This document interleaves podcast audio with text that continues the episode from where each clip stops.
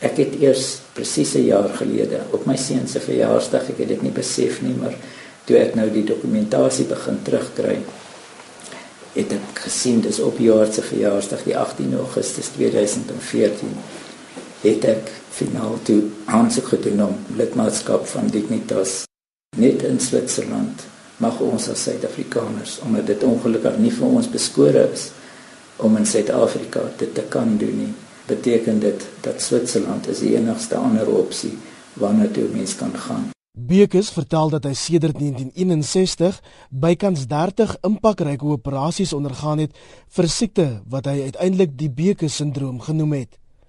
Hy het vertel die kraakbeen tussen al sy gewrigte het teen 'n onvoorspelbare tempo verweer, 'n uiters pynlike situasie wat hom tot by genade dood gedryf het. Ariken in Switserland vereis hoewel 'n mediese praktisyn die natrium pentothal barbital moet voorskryf, die pasiënt die finale stap self moet neem en dat 'n individu dis nie iemand anders kan kry om vir hom die uh, inspuiting of vir die uh, aar indiening of dan deur die mond indiening te kan neem nie. Dit is ook hoekom hulle jou eerste vir jou vra is jy in staat boonbehalwe of jy uh, in terme van jou uh, geestelike toestand by jou volle positiewe is of jy in staat is om uh, ten minste 'n sekere aantal milliliter vloeistof te kan drink sonder dat dit uh, vir jou 'n probleem sal wees. En interessant is dit dat almal wat die sogenaamde groen lig van goedkeuring by Dignitas in Switserland ontvang het, dat slegs 11% die finale stap neem. Dit wil sê 11% mense van 'n 100% gaan uiteindelik tot by die einde. En wat sê dit vir 'n mens? Dit sê dat by die meeste mense wil hulle weet hulle het daardie deur wat hulle kan weet wat altyd gaan oop staan. Want ek dink ek dink dit is vir enige mens een van sy vrese dat hy in 'n situasie gaan beland wat geliefdes moet 'n besluit neem oor die toestand waarin hy is en hy nie meer by sy volle positiewe is nie of dat hy nie meer in staat is om so 'n stap te kan doen nie. En dan is hy in 'n doodloopstraat. Terwyl as hy weet hy kan aansoek doen en hy word gekeer dan weet hy hy het daai gemoedsrus dat dit bestaan wel.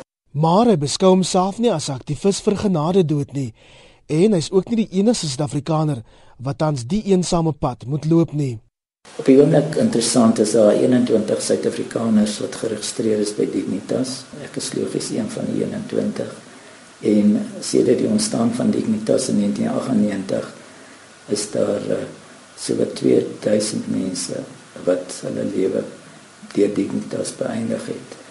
Maar as 'n mens dit ook sien teenoor die 7000 wat heidaglik lede is van Dignitas en daar ongeveer 200 men, mense per jaar gaan amper een per dag dan is dit ook nie so reusagtige persentasie nie en dit beteken hoe streng en hoe professioneel hulle die kering doen. Bekes laat sy vrou Monique, drie kinders, Joart, Leandi en Izan, asook drie kleinkinders agter. Hy het sy besluit vooraf met hulle bespreek. Die feit dat ek tot by hierdie stap gekom het, is nie dat ek hoegenaamd in 'n depressie is nie. Inteendeel dit is vir my amper half ironies dat ek so opgeruimd en positief voel oor die lewe nog steeds.